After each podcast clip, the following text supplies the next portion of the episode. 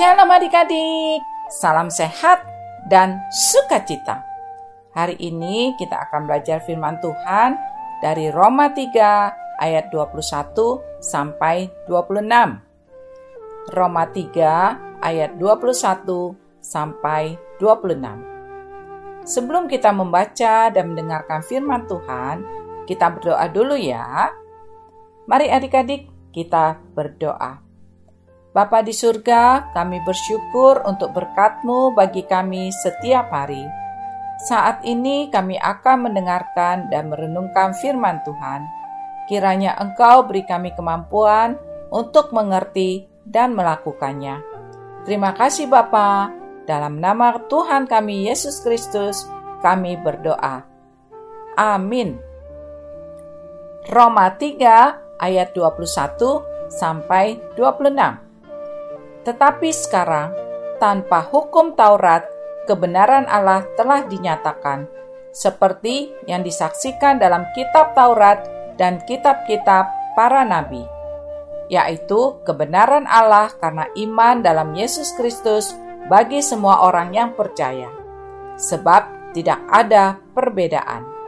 Karena semua orang telah berbuat dosa dan telah kehilangan kemuliaan Allah, dan oleh kasih karunia telah dibenarkan dengan cuma-cuma karena penebusan dalam Kristus Yesus. Kristus Yesus telah ditentukan Allah menjadi jalan pendamaian karena iman dalam darahnya. Hal ini dibuatnya untuk menunjukkan keadilannya karena ia telah membiarkan dosa-dosa yang telah terjadi dahulu pada masa kesabarannya. Maksudnya ialah untuk menunjukkan keadilannya pada masa ini, supaya nyata bahwa ia benar dan juga membenarkan orang yang percaya kepada Yesus. Demikianlah firman Tuhan. Adik-adik, negeri Tiongkok tidak terlewat sebagai tempat pekabaran Injil mula-mula.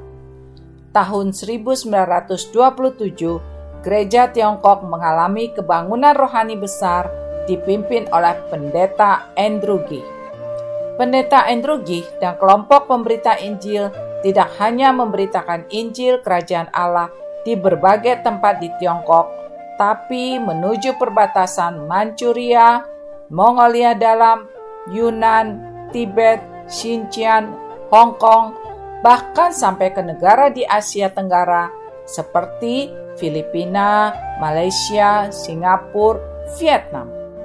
Banyak gereja, sekolah, asrama yatim piatu, dan sekolah Alkitab didirikan karena kasihnya kepada Tuhan dalam pekerjaan pekabaran Injil. Salah satunya ada di Indonesia, tepatnya di kota Malang, yaitu Sekolah Alkitab Asia Tenggara.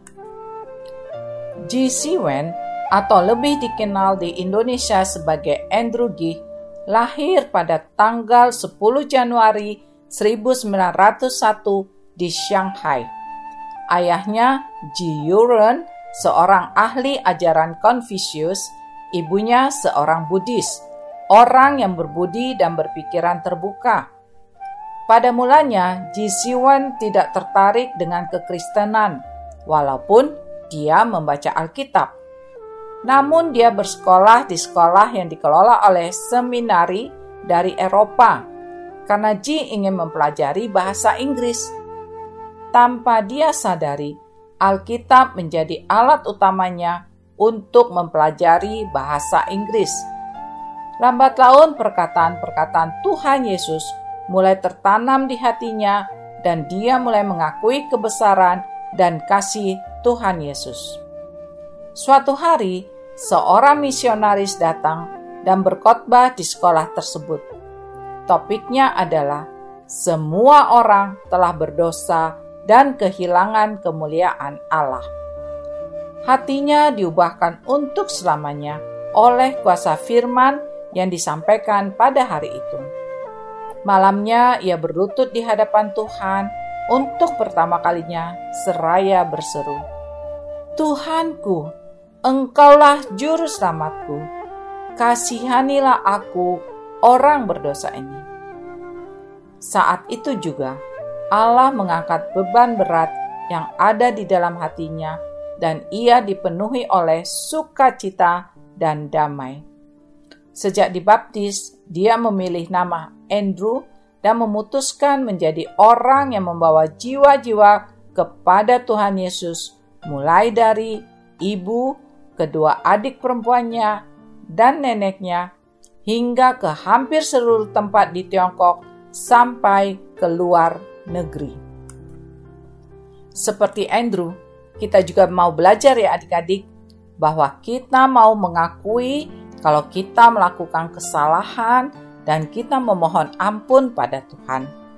Kita juga mau menceritakan firman Tuhan kepada banyak orang, sehingga banyak orang menjadi percaya bahwa Yesus adalah Tuhan dan Juru Selamat kita, sehingga kita dapat berkata, kasihanilah aku yang berdosa ini. Sekali lagi adik-adik, kasihanilah aku yang berdosa ini. Amin. Mari adik-adik kita berdoa. Bapa di surga, kasihanilah kami yang berdosa ini, dan pakailah kami untuk menyatakan karya Tuhan di tengah-tengah kehidupan kami dalam nama Tuhan Yesus, amin. Sampai berjumpa lagi adik-adik. Tuhan Yesus memberkati.